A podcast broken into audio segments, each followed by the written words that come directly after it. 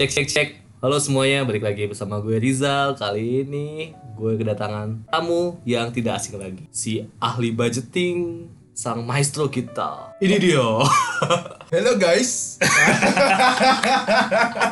Ciri khasnya apa ya? Iya. Hello, pokoknya guys. Kita harus hello dulu kepada guys semuanya ini. Oh, guys semuanya. Guys semuanya ini ya. Oke. Ada absurd. Absurd ya maksudnya. Oke lah. Gak apa-apa biar sedikit relax aja dulu. Kan kayak gitu. Kemarin kita Oke. ngebahas budgeting nih, Pak. Betul. Betul. Sekarang kita akan ngebahas nih ke tahap selanjutnya. Iya, jadi eh, biasanya kan kita kalau misalnya habis saving tuh ya nggak mungkin kan cuma didiemin doang duitnya. Betul. Pasti ada yang namanya apa tuh namanya perlonjakan, inve- eh, inflasi. Inflasi. Makanya di next uh, episode ini kita akan sedikit membahas tentang naik turun inflasi. Eh, sorry, investasi. Investasi. Tuh.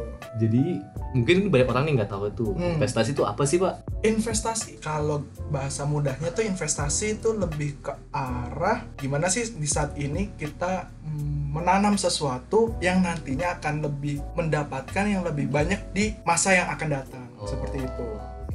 Ya sebenarnya sama aja kayak kita Kayak tanam pohon ya pak ya. Betul sekali. Sesimpel kayak kita nanam biji buah, habis itu nanti akan menjadi pohon dan buahnya bisa kita petik seperti itu. Kalau mekar pak. Kalau Bisa bu- jadi bisa busuk kan, Pak? Iya, tergantung tempatnya kan. Oh, iya, benar. Tanahnya kayak Gimana pupuknya? Betul Oh. sekali. Jadi kalau investasi secara ekonomi juga gitu juga pak sama pak. Secara gambaran sih pasti kayak gitu. Kita kan nggak akan membiarkan ya gampangnya biji apel akan menjadi biji apel terus kan. Kita kan pengen berharap itu bisa menjadi apel yang mungkin akan digunakan kita di next selanjutnya atau di saat kita nanti berkeluarga atau mungkin buat anak kita atau cucu kita selanjutnya kayak gitu. Oke, kirain biji apel bisa jadi biji Samsung. Eh, bisa juga sih biji apple. yang matanya tiga itu. Garing ya saya. Iya. Go, go. Nah, jadi investasi itu sebaiknya dilakukan dari kapan? Sebenarnya kalau bisa sih sedari dini sih, semenjak masih disusui. oh enggak lah. Next. Gak apa-apa. Oke. Jadi sebenarnya lebih baik Gak sih. akan gue cut pak. Oh ya, oh gitu kan. Gak akan gue cut. Fine, fine, fine, fine. Sebenarnya kalau bisa investasi sih betternya eh, sedari lo bisa mendapatkan hasil. Kalau misalnya lo udah dapat uang jajan dari SD, ya lo investasi dari SD. Banyak cara untuk investasi. Tapi kan waktu SD kita nggak mungkin mengenal itu investasi. Betul sih. Kecuali dari orang tuanya udah ngasih tahu itu investasi itu. Kecuali emang keluarganya ya. Iya loh. Iya. Kayak nabung di celengan ayam kan itu investasi dong. Betul, betul, betul ya. Tabungan itu kan investasi. tabungan adalah bentuk investasi Yang tapi kan sederhana. sederhana yang nantinya akan digunakan untuk masa mendatang Tang. Gitu. tapi ya value-nya kan tidak bertumbuh begitu kan tidak mengikuti infla- inflasi Berarti saya benar dong. Investasi itu bisa dimulai sejak dini. Tergantung orang tuanya itu bisa mengajarkan anaknya untuk berinvestasi. betul karena kan tahapan uh, investasi kan nggak tiba-tiba si anak akan ngerti bahwa si duitnya akan digunakan untuk investasi tapi ya pertama-tama kan ya nabung dulu kan kayak gitu oh tahu nabung tuh buat apa nanti mungkin buat beli ya, apa yang dia Mainan. sukain ha, mainan atau iPhone ya Wow. bebas wow, Wow. wow. kan zaman zaman sekarang kan anak-anaknya agak Buat buat main TikTok ya. iyo agak TikTok Iya. Entah apa yang masukimu. aduh aduh ya kayak gitu sih sebenarnya Seperti itu Pak ya. Terus gini nih Pak. Investasi itu enaknya dalam bentuk apa sih Pak? sebenarnya investasi Kan itu pasti banyak banyak. betul betul Saya sih taunya ada ada ini apa sih namanya? Trading. iya Ada yang lewat properti. betul Nah, kalau menurut Bapak tuh ada berapa sih Pak? sebenarnya investasi itu tergantung Macam-macam ya. eh, tergantung kitanya maunya kayak gimana sih kan biasanya ada yang pengen langsung Yang paling aman deh. paling aman paling aman ya tabungan deposit Deposit tuh aman. deposit aman kan kita tinggal nabung nanti kita terima bunganya misalnya dengan jangka waktu satu tahun kisaran berapa persen lah nggak besar kan pastinya Hmm. tapi setidaknya itu udah pasti kita dapatkan kayak gitu nggak ada resiko apa pun Iya. kayak gitu itu udah paling aman deposit Kan kalau deposito itu kan ada jangka waktunya tuh Pak. Iya. Ada tiga bulan, ada enam bulan, ada 9 bulan, ada 12 bulan, ada 24 bulan bahkan ya. betul betul Tapi, tapi gini Pak ya, menurut Bapak itu yang enak tuh kita savingnya di tahu di mana nih Pak? sebenarnya Buat sih investasi itu di bulan apa ya? oh berapa bulannya begitu ya sebenarnya lebih enak itu kita di bulan apa? Misalkan tiga bulan aja nih atau Iya, atau enam bulan aja takutnya kan kalau deposito kan kita nggak bisa ambil uangnya kan betul, harus ditanam kan betul, pas udah jangka waktunya baru kita bisa ambil betul. buat bapak nih waktu yang tepat itu enaknya di bulan ngambilnya deposito yang berapa bulan Sebenarnya tergantung ya kalau misalnya soalnya rasa rasa Iya. Emang emang suara gue agak-agak Eh, cuaca lagi nggak enak, Oh, jadi gitu. agak berat gitu. Berat ya? Iya. Oke oke. Jadi sebenarnya kalau menurut gua itu tergantung dari eh, masnya sendiri maunya kayak gimana atau pendengar sendiri karena ada ada untung atau ada keuntungannya sendiri lah ya. mm-mm. Kalau misalnya saya sih prefer lebih baik yearly misalnya satu tahunan atau dua tahunan karena ya kita kan niat untuk nabung sebenarnya Ah. kan nggak ada niatan untuk ya tiba-tiba narik atau bagaimana gitu. Uh, andai kata kalau misalnya memang kita mencari suatu keuntungan Ah. atau apa mungkin kita bisa ngambil yang jangka pendek seperti itu. oke. Terus ada apa lagi mbak selain deposito? Kalau misalnya selain deposito ya hmm, tabungan emas atau properti? Emas juga bisa jadi investasi. Emas pun juga bisa jadi investasi emas perhiasan atau emas Mas mas. batang? emas Mas, emas kok saya jadi takut sama bapak nih? Enggak enggak. Lanjut. Ya mas. Ya banyak mas logam berapa gram atau kayak gimana itu bisa jadi ya betul saya. Jadi kalau emas perhiasan mas perhiasan mas perhiasan bisa bisa. tapi Cuman kan ya lebih better sih logam mulia sih biasanya. Mm-mm. Kalau misal mas perhiasan biasanya kalau kayak uh, ibu-ibu yang udah nikah atau apa dia buat uh, jaminan dia sih. Kalau buat kita biasanya langsung kayak mas antam gitu kan atau Iya. apa kayak gitu yang nantinya kita bisa jadikan bentuk deposito juga ke bank kayak gitu. Bisa jadi emas kawin juga Iya, buat nextnya bisa jadi buat mas kawin juga kita nabung-nabung buat mas kawin. kalau kepepet kan ya. Iya. Eh, ada. aku ada emas kawin nih iya, siap. Tinggal lamar aja. waduh Ada nggak? Oh ada. siapa Yang mau dilamar? Oh, ada ada. apa ada kan Ada. alhamdulillah Satu aja sih. nggak mau dua Gak. Masih banyak nanti. mas siapa bener bener masih nanti Masih banyak. ada mas mas Hah? ada mas mas Jangan. kenapa Gak mau dibagi-bagi. wah siap siap siap siap siap Kayak gitu gitu. Jadi ada mas. Iya, apalagi emas antam sekarang lagi naik banget ya. Betul betul. Sebenarnya eh, dari harga 600 eh 500 loh. Iya, jadi jadi 600. Oh, iya, udah 700 ya. 700. Terakhir gua 600 waktu itu. Per per gram ya atau Iya, per gram. Per gram. Terus apa lagi, Pak? Terus selain emas ya. ah, Tadi apa? Eh, tapi Apa? BTW Apa, apa, apa? di emas ini ah, sedikit info ya buat kalian juga. Ah, emas ini sekarang banyak digunain juga buat di buat kayak tabungan di pegadaian atau bagaimana. Contoh waktu itu ada suatu apa ya program di mana kita menyimpan 14 gram itu udah bisa ngedapetin tiket untuk haji gitu nomor tiketing untuk haji kayak gitu Diundi gitu, Pak. bukan eh, apa sih namanya kalau misalnya kita mau pergi haji itu Hah? kan eh, kita biasanya harus DP dulu kan DP Betul. dulu untuk dapat nomor tiket kalau misalnya nomor nomor lah kalau dibilang nomor biar kita bisa pergi haji kayak gitu jadi ini kita nggak usah ngeluarin sebesar DP yang seharusnya biasanya kan DP-nya itu kisaran hampir 50 persenan lebih lah ya Pasti istilahnya. emas kita di, digadai dong. Betul, 14 gram itu kita taruh. Nah, kita udah langsung dapat nomornya. Nah, 14 gram itu kan kalau misalnya di nominalin 500 eh 600 ya 600. 700 dong. Eh 700 ya sekarang. Itu berapa tuh? 700. Nggak nyampe maksudnya nggak nyampe 20-an kan. Nah, itu kalian udah bisa dapetin nomor untuk haji. Jadi kalian udah udah dapet tuh untuk ininya. Iya, eh, 9 9,8 juta. 9,8 juta doang nggak nyampe 20 atau 15 jutaan biasanya kan minimal kita harus punya DP 15 juta atau apa kayak tahu gitu. gue. Gue baru tahu loh. nah itu gue gue tahu makanya sebenarnya ada ada untungnya Oh, itu program pegadaiannya. ya? itu program pengadaian kayak gitu Oh. jadi sebenarnya eh, kadang kita harus bagi-bagi kadang ya, tadi ada yang sebagian kita jadiin emas ada yang sebagian kita jadiin deposit jadi pintar-pintar kita aja mau dijadikan apa gitu Hmm. ya ini cuma FYI aja sih FYI ya. Nah, Apa lagi itu nih, Kalau emas? selain emas, nextnya adalah properti. Gak cocok dong buat anak muda. Wah, kenapa nggak cocok properti buat anak muda? mahal. Properti mahal. Kata siapa properti itu mahal? Kata saya, Oh, iya, saya ngomong.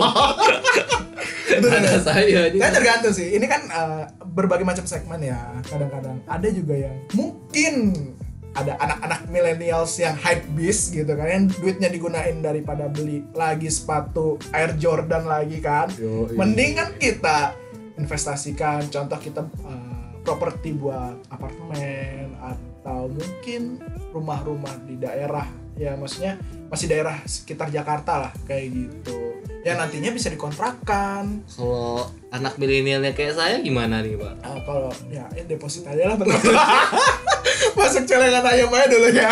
Properti saya belum bisa main, Bang. iya kan ini kan untuk mungkin yang anak-anak hype beast lah kayak gitu. Sebenarnya kalau dipaksain bisa sih, kayak misalkan beli sawah di kampung, bisa. Ya kan? sebenarnya kalau misalnya ngomongin apa sih namanya properti kayak apa tadi gue bilang apartemen itu masih bisa. Apartemen Enggak. pun apartemen tuh sekarang ada coy. Uh, base uh, dari 1,5 sampai 2 tuh ada per bulan. Apanya? ininya cicilannya per bulan. Ya kredit kan. Oh, ya iya dong. Tapi kan di saat emang udah jadi terus lu bisa sewakan ke orang.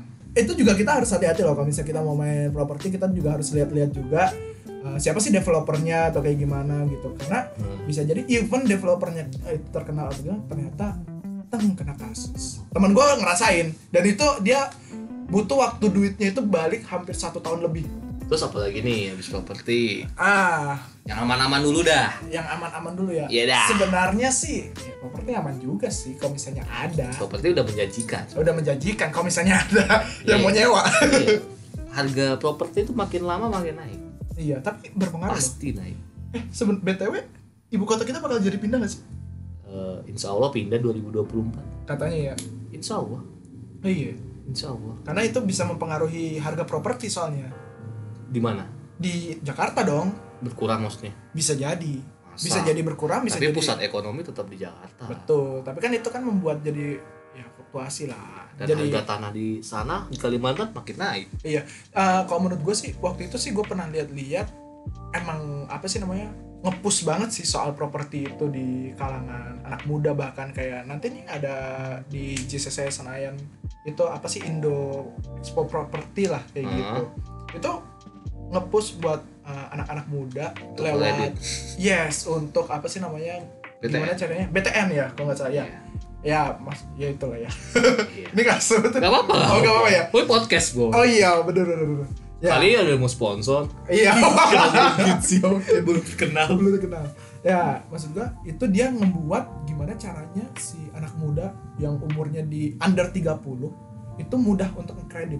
Biasanya kan kita dipersulit dengan DP yang besar, bunga yang Hmm. besar atau gimana. Nah, itu buat anak-anak yang muda itu dipermudah. Kayak gitu. Makanya emang dipus untuk properti. Mungkin nextnya bakal fokus eh, pembangunan ke arah ibu kota baru kali ya. Makanya ini lagi dipus-pusnya habis-habisin properti yang ada. Oke lanjut. Apa lagi nih? Oke, uh, next property. abis properti. Nah, ini mungkin menurut gua bahkan mahasiswa sebenarnya bisa Apa itu? untuk ngelakuin ini dan ini mungkin lebih ya ada resikonya sih, ada Ah. resikonya dibandingkan deposito, yaitu lebih ke investasi saham. Saham. Betul. Investasi saham ya. Betul. Bukan trading saham. Ada beda nih. Kita kan Beda. ngomong sa- uh, berdasarkan risknya yang low dulu kan. Oke. Low, low, low terus ke high kan, Iya. kayak gitu. Trading saham tuh termasuk investasi kan? Ter- uh, termasuk, termasuk. Termasuk. termasuk karena kan itu kan menambahkan nilai Betul. ya, ke masa depan Masa kan? depan. Yoi. Oke. Jadi gimana itu kalau investasi saham? nah di saham ini kita ada dua ada yang kita secara individual ada yang secara eh, reksadana Reksadana. Oh ya belum tahu nih saham itu apa pak? oke gue gue baca dulu ya Saham itu kalau nggak salah ya aset data kepemilikan dari suatu perusahaan ya sih. ya betul sekali bisa jadi kayak gitu Iya nggak sih? Secara- Singkatnya gitu lah ya. singkatnya kayak gitu lah ya tapi kan saham Daripada lu googling lagi. iya sih tapi sebenarnya banyak juga sih eh, dia dibagi-bagi ada obligasi atau apa Iya, betul, tapi betul, ya betul. nextnya lu ah, kalian cek aja di Google ya soal Iya. itu Jadi Cuman, ah, saham itu Iya, iya, iya, gantian, gantian, jelasin dah. gantian. iya iya Saham itu ada yang lewat saham Pasar uang. ah iya benar ada pasar uang itu yang paling bawah Pasar uang tuh pasti bakal untung. Ah, Iya nggak sih? Itu Betul. kalau nggak salah grafik itu sel- selalu naik, ya kan? dia yang risknya paling rendah Iya betul. Terus ada yang campuran, ada yang obligasi. nah yang gua tahu sih ini berdasarkan gambaran gua. Yang gua tahu ya tadi kita biasanya dibagi ada dua. Ada yang kita jalani sendiri sahamnya ah, maksudnya eh, melakukan investasinya ada yang melalui reksadana. Iya. gitu. mungkin lebih aman untuk awal-awal menggunakan reksadana. Ah, nanti kalau kalian nggak tahu reksadana cari googling sendiri ya. Iya, kita, nggak mau jelasin lagi. Karena pusing gitu ya sebenarnya sesimpel reksadana itu adalah eh, di reksadana itu ada yang ngelola keuangan kalian Iya, kayak gitu. manajer Jadi keuangan ada manajer keuangannya. Jadi kemungkinan eh, apa sih namanya resiko Resikonya. resikonya itu lebih kecil dibandingkan kalian menaruh sendiri saham kalian di beberapa perusahaan. Bang, kalau kalian orang awam tuh lebih cocoknya sih pakai reksadana kan. Betul betul lebih aman untuk pakai reksadana. Jadi kalau udah kalian udah ngerti-ngerti nih, udah tahu nih pergerakan perusahaan-perusahaan satu-satu-satu, nah Anda udah bisa coba tuh sendiri. Iya betul. Nanti kalau udah investasi sendiri, coba trading. Coba trading. Ya nggak, Pak? Yo, Iya. Tapi kan sebenarnya Kenapa mahasiswa harus mulai menanam saham alias reksadana, menggunakan reksadana? Iya, Karena murah. karena ya pertama memang ada yang murah juga dan lebih aman dari resiko kan dan sembari juga kan ya lu nggak mungkin berpikir cuma naruh uang dan itu ditaruh deposito. Ya udah gitu aja ditaruh lagi deposito. Lu kan juga pengen belajar mengenai ya mungkin oh ada perusahaan-perusahaan. Ya pengembangan pengetahuan sih ya lebih ke arah pengetahuan sosial lu berkembang. Oh jadi oh lu tahu perusahaan ini lagi bagus perusahaan ini lagi jelek itu kenapa. Bahkan dari situ kan kita bisa kadang-kadang di reksadana sendiri kan bisa kelihatan kan turun atau apa kayak gimana. Sesimpel itu aja. Kadang-kadang kan kita pengen cari tahu tuh eh kenapa sih yang ini merah? Atau turun atau minus atau apa? Iya. nah berawal dari situ aja. Sembari kita coba-coba ah masukin di sini. Even kalau misalnya turun pasti kan nggak nggak parah-parah banget kayak gitu loh. Betul. masih lebih aman lah.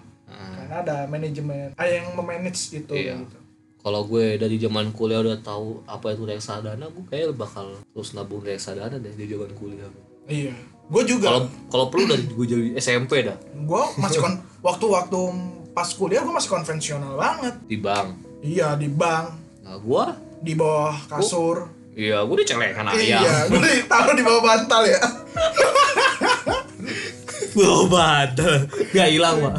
aman tapi semenjak ada tuyul sih ya udah gue pindahin ke bank Siap. Tuyul milenial. tuyul milenium aduh aduh ya kayak gitu sih sebenarnya lebih penting sih lebih ke arah pengetahuan sosial sih nantinya kita akan tahu buat ke depannya oh perusahaan ini bagus perusahaan ini nah itu beja- bisa menjadi jejak karir kita nantinya ke yang namanya kita Bapak pakai reksadana? Kalau saya saham sendiri langsung, maksudnya langsung naruh, nggak lewat reksadana. Wow. Seriously? Betul. Apa? Eh, apanya? Ke nanam ke mana nih? Oh, nanam sih saat ini ke yang eh, perusahaan-perusahaan yang bisa disebut blue chip. Blue chip tuh gimana? Jadi dia berdasarkan ide eh, IDGX apa IDX ya? IDX. Iya itulah itu ya IDX atau apa? Dia termasuk dalam jajaran posisi perusahaan-perusahaan yang profi- profitable gitu loh. Jadi secara cash flow keuangannya itu bagus kayak gitu. Bapak nggak mau nyoba saham gorengan? Nah, kalau kita ngomongin saham, go- saham gorengan itu akan nantinya jadi next kan namanya trading Oh, kayak gitu. Kalau Oke. misalnya yang kita mau nabung yang Oke, oke. jangka panjang itu di blue chip. blue chip kayak gitu. Untuk di Indonesia ini ada berapa sih Pak perusahaan yang blue chip? Wah, banyak sih. Apa Pak? Contohnya BCA. Terakhir biasanya eh, sesimpel kita ngeliat ada tiap bulannya itu eh tiap bulan tiap quarterly itu IDX munculin 30 30 perusahaan yang lagi top dalam cash flow keuangannya kayak gitu. Siapa ya? Satu. Wah pasti yang kebanyakan kita nggak nyebutin ini ya, tapi kebanyakan sih bank. Bank itu Bank ya, bank itu cash flow-nya ya Iya. iyalah banyak duitnya lah. banyak kayak gitu. Bank kebanyakan itu dia di jajaran 1 sampai 10 itu bank kayak gitu. Kedua ya eh Apa, Bang? kedua biasanya jenis-jenis consumer goods kayak gitu. Oh, masuk ya? Masuk consumer goods kayak gitu. Terus ya yang ketiga kayak misalnya perusahaan-perusahaan rokok kayak gitu. Kok. Karena kan perusahaan Oh, rokok ke- kita ketiga malah rokok. Oh bukan maksudnya uh, kategori ya baik kategori Oh, ya. B kategori. Oke. bukan oke. ketiga atau ke berapa. Peringkat-peringkatnya nggak. Peringkatnya ya kita harus update karena kan itu update by quarterly kan. Iya betul. Terus selain investasi saham, Nah ini masuk ke namanya trading. eh tar dulu, tar dulu. Mending investasi ke sahamnya langsung atau reksadana kata? Kalau awal kita reksadana dulu. Kenapa kalau langsung ke investasi saham? Kan kita belajar dulu. gue kalau investasi saham itu nanti kita dapat per tahun itu dapat bonus nggak sih dividen dividen ya namanya? yes ah, namanya dividen kalau misalkan perusahaan itu menguntungkan kita dapat juga tapi yang nggak besar kenapa anda merak- merekomendasikan reksadana karena reksadana karena kalau misalnya gini kadang-kadang waktu gue juga pertama-tama kenal mencari tahu ya informasi tentang investasi gue juga takut. Oh takutnya nanti turun atau kayak gimana gitu. Kita belum tahu seninya. Kita kadang masih terburu-buru. Ada pengen- seninya? Ada seninya. Oke. itu kesabaran. Oh seninya sabar. Seninya sabar. Siap. Gitu.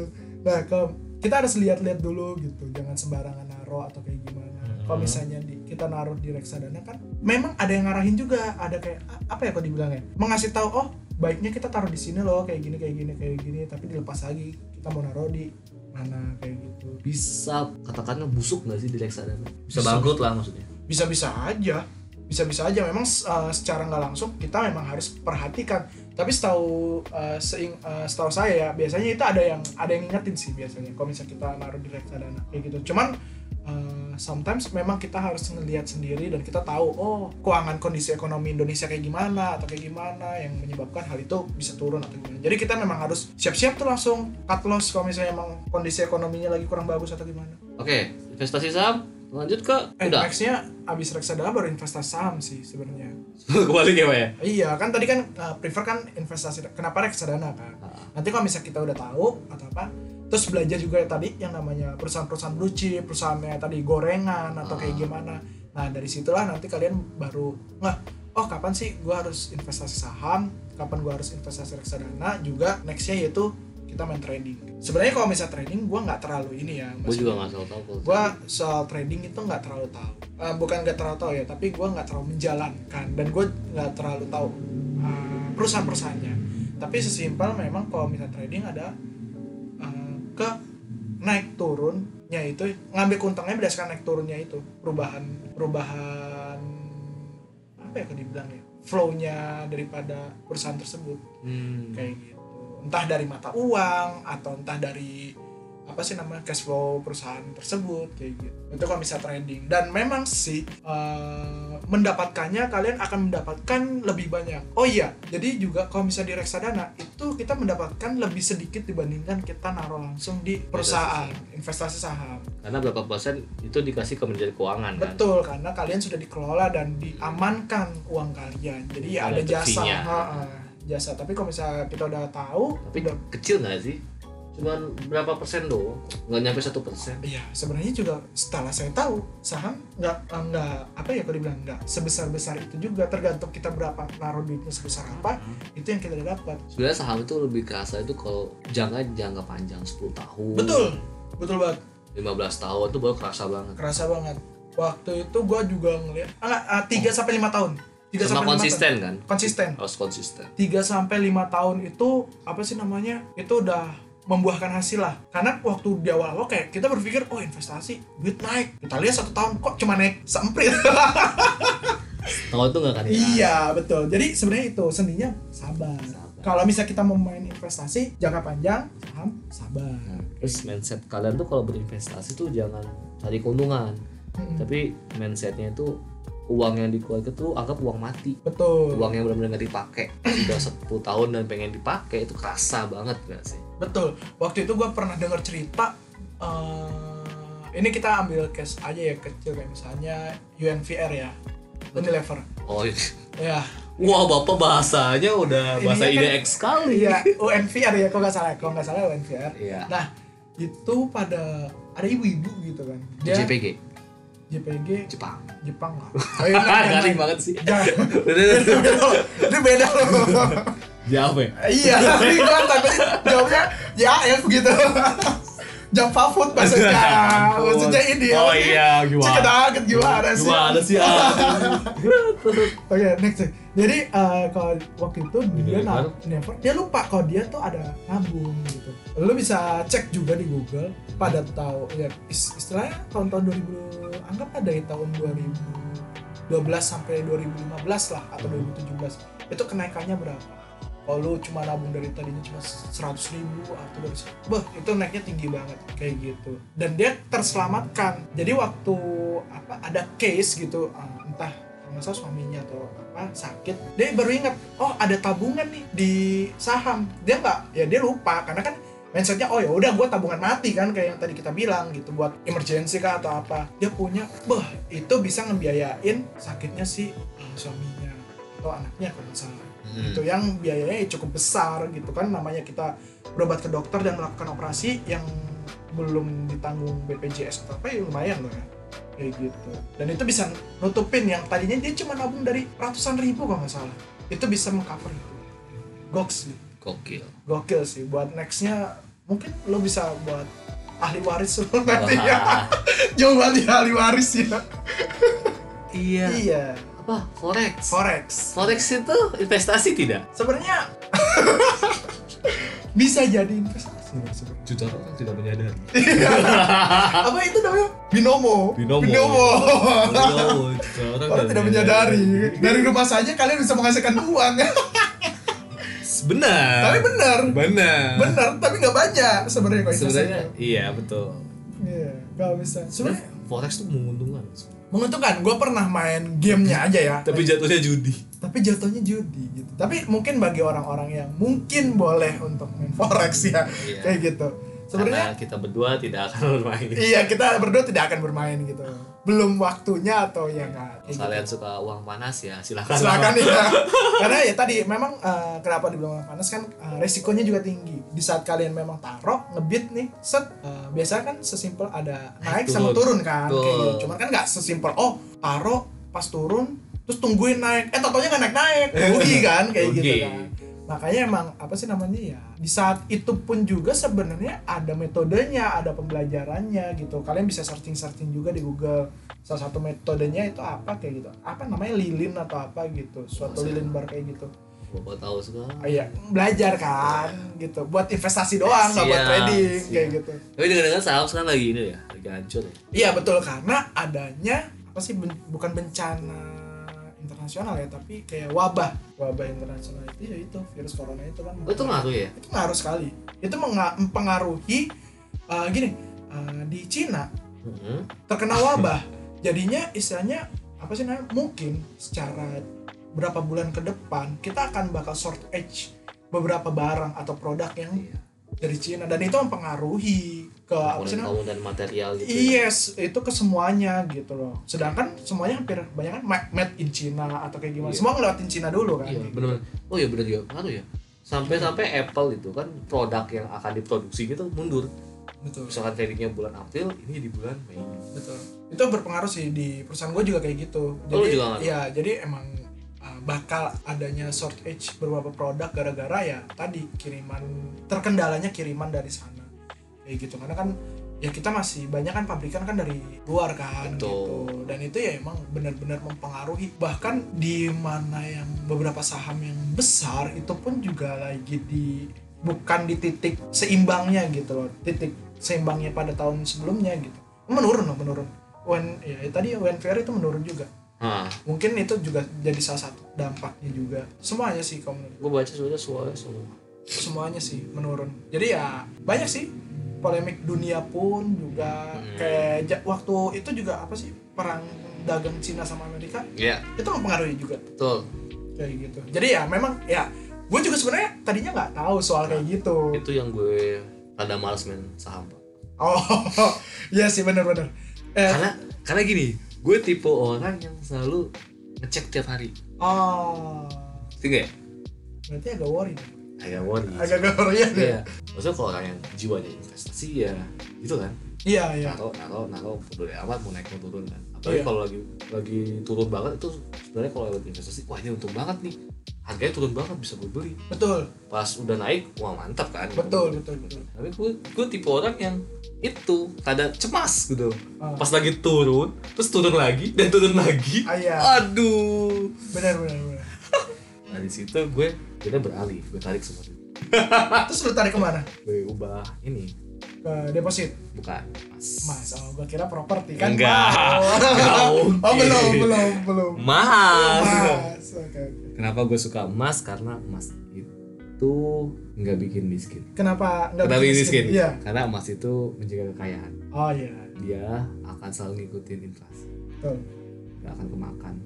Nggak akan jatuh terus dia akan terus di harga segitu iya. Meskipun inflasi karena ya istilahnya emang dia kan nggak bertambah kan? Iya. Karena Yang dia ada akan iya yang ada makin berkurang. Makanya dia secara value akan semakin lama semakin lama bertambah. Betul. Memang yang paling aman emas emang nggak kerasa uangnya emang gak kerasa emang hanya untuk tabungan. Tabungan doang dan buat nikah. Iya. Buat ini ya apa sih namanya? Mas kawin. Mas kawin iya benar. Tapi gue gak pakai itu. Sayang iya iya iya. sebenarnya eh, kalau ini sih saran dari gua aja sih kalau misalnya saham sih ya. Ah. sebenarnya gua seneng sih mas. Tapi eh, kalau gua sih agak bingung nak. Kadang-kadang naro emasnya kayak gitu. Kadang-kadang ya kita nitip di mana namanya di bank kita kena charge kayak gitu kan jatuhnya makanya kenapa gua lebih seneng ke saham kayak gitu oh gue gak kayak gitu kalau naruh di mana gue digital Oh digital. Oh, ini gua harus belajar nih. Mungkin lu bisa sharing nih. cuma Gimana? resiko Bukan resiko sih cuma nggak enaknya digital itu Hmm. ketika kita pengen lihat wujud aslinya Hmm, fisiknya hmm. itu kita kena biaya cas untuk cetakan Oh. sama sertifikat Iya, iya, iya. Nggak selalu mahal sih Oh, berarti saat ini lo nggak megang wujud fisiknya? gue cuma tabungan aja di rekening Oh, berarti hampir sama kayak sistem-sistem pengadaian juga dong Emang. ya? Oh. emang pakai pegadaian oh, itu. Oh, berarti bisa jadi ya, ya bener, bener. Iya. Gue pakai pegadaian juga. Berarti itu juga gue beli emas dari lelang ini sih. Lelang pegadaian. ada Ada lelang emas. Jadi sebenarnya itu kenapa lelang? emas mulia Mas mulia? apa emas perhiasan? Enggak, ya campur. Ada emas perhiasan, ada emas mulia juga. dan harganya murah? Harganya ya better lah better daripada lu beli benar-benar baru emas gitu. Jadi itu sebenarnya kenapa dilelang itu bekas-bekas apa sih orang yang apa, minjam. Minjem tapi nggak bayar betul kayak gitu. Akhirnya emasnya dilelang kayak gitu. Kalau dipikir-pikir pegadaian tuh banyak ya har- harta berharga. Iya. Banyak ya diem-diem itu banyak loh. Iya sih? Iya. Mobil kan bisa dilelang mobil eh rumah pegadaian digadai. Digadai. Apa ya Oh, ginjal? sertifikat rumah. Ginjal, ginjal iya. kayak gitu. Ya kalau gue sih emang jantung lagi mahal sekarang enggak makasih. Ginjalnya dulu. Kulit bisa kulit dibagi. Aduh. Aduh, aduh. kalau gue sih lebih prefer eh, kalau gue ya lebih prefer saham. Sih. Mm-mm. kalau gue lebih prefer emas. Ya gitu sih sebenarnya. Eh, kesimpulannya sih Hmm. untuk kalian yang mau investasi sih belajar dulu pada sisi sisi sisi sisi mari mari. Apa investasi sih oke. Oke. Untuk kalian Iya, yang mau investasi. Lebih Mulailah. baiknya mulailah dari uh, sedari dini gitu kan. Se- ya, sedari itu- dini. itu sedari dini. sedari dini. Sedari dini sekarang uh, secepatnya gitu. Karena sesimpel kalian pikirkan kalau misalnya uh, inflasi itu ada inflasi itu nyata. Dan kalian jangan biarkan uang kalian itu value-nya berkurang gitu. Lebih baik kalian tabungkan dengan cara yang bermanfaat. Siapa tahu bertambah atau menjadi tabungan yang di masa depannya nanti Betul. dipetik. Bisa jadi ahli waris nanti. Jangan, ahli waris. Jangan beranggapan anda beli mobil mewah itu sebuah investasi ya. Yes betul. Eh sebenarnya investasi sih. Cara oh iya secara jangan kita lihat value-nya dulu. Orang itu gunakan buat misalkan pengacara nih. Pengacara yang pakai mobil Avanza sama pengacara yang pakai mobil Mercedes Benz bayarannya lebih mahal. Mercedes Benz Iya, tapi itu kan brand kan. image. Betul. Nah. itu. Eh, iya benar. Purpose-nya kan? Investasinya untuk branding image. Uh, tujuan investasinya buat apa? Betul. iya kembali lagi makanya Kembali ke value-nya. ke value-nya. Kalian mungkin yang anak habis kan? Habis. ya, bisa jadi. Eh tapi Air Jordan investasi loh pak. Iya iya gak sih? Brand image bisa. Tapi kalau misalnya juga. kayak kemarin kebanjiran. Ya gua ngeliat kasihan banget aja hanyut. Kena lumpur anjir anjir aja wah nangis sih. Lumayan sih harganya. Lumayan. Ya gua belum bisa. Gue bisa sih tapi buat apa? Iya gua belum belum. Lu juga bisa tapi buat apa kan? Iya sih sebenarnya. Buat butuhnya buat belum apa? butuh sih. Saat ini gua ya udahlah ya. Udahlah ya kita Udah. masih buat makan aja dulu ya.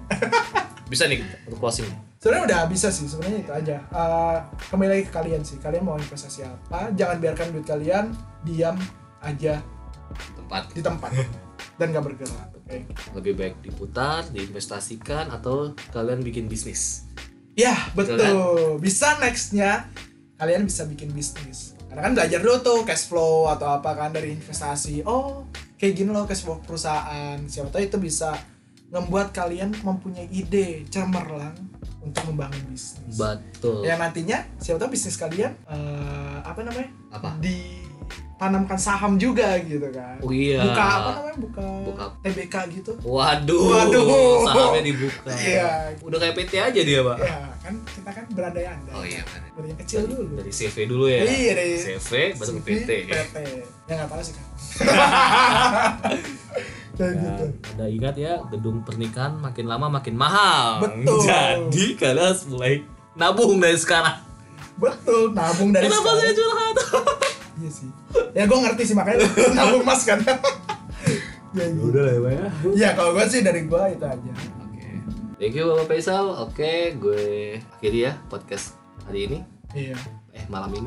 oh iya udah malam ya mana Kan obrolan malam-malam. oh iya oh iya. Malam jadi. Oke. Oke, gue Rizal. gue Faisal Bye. bye bye see you guys on next episode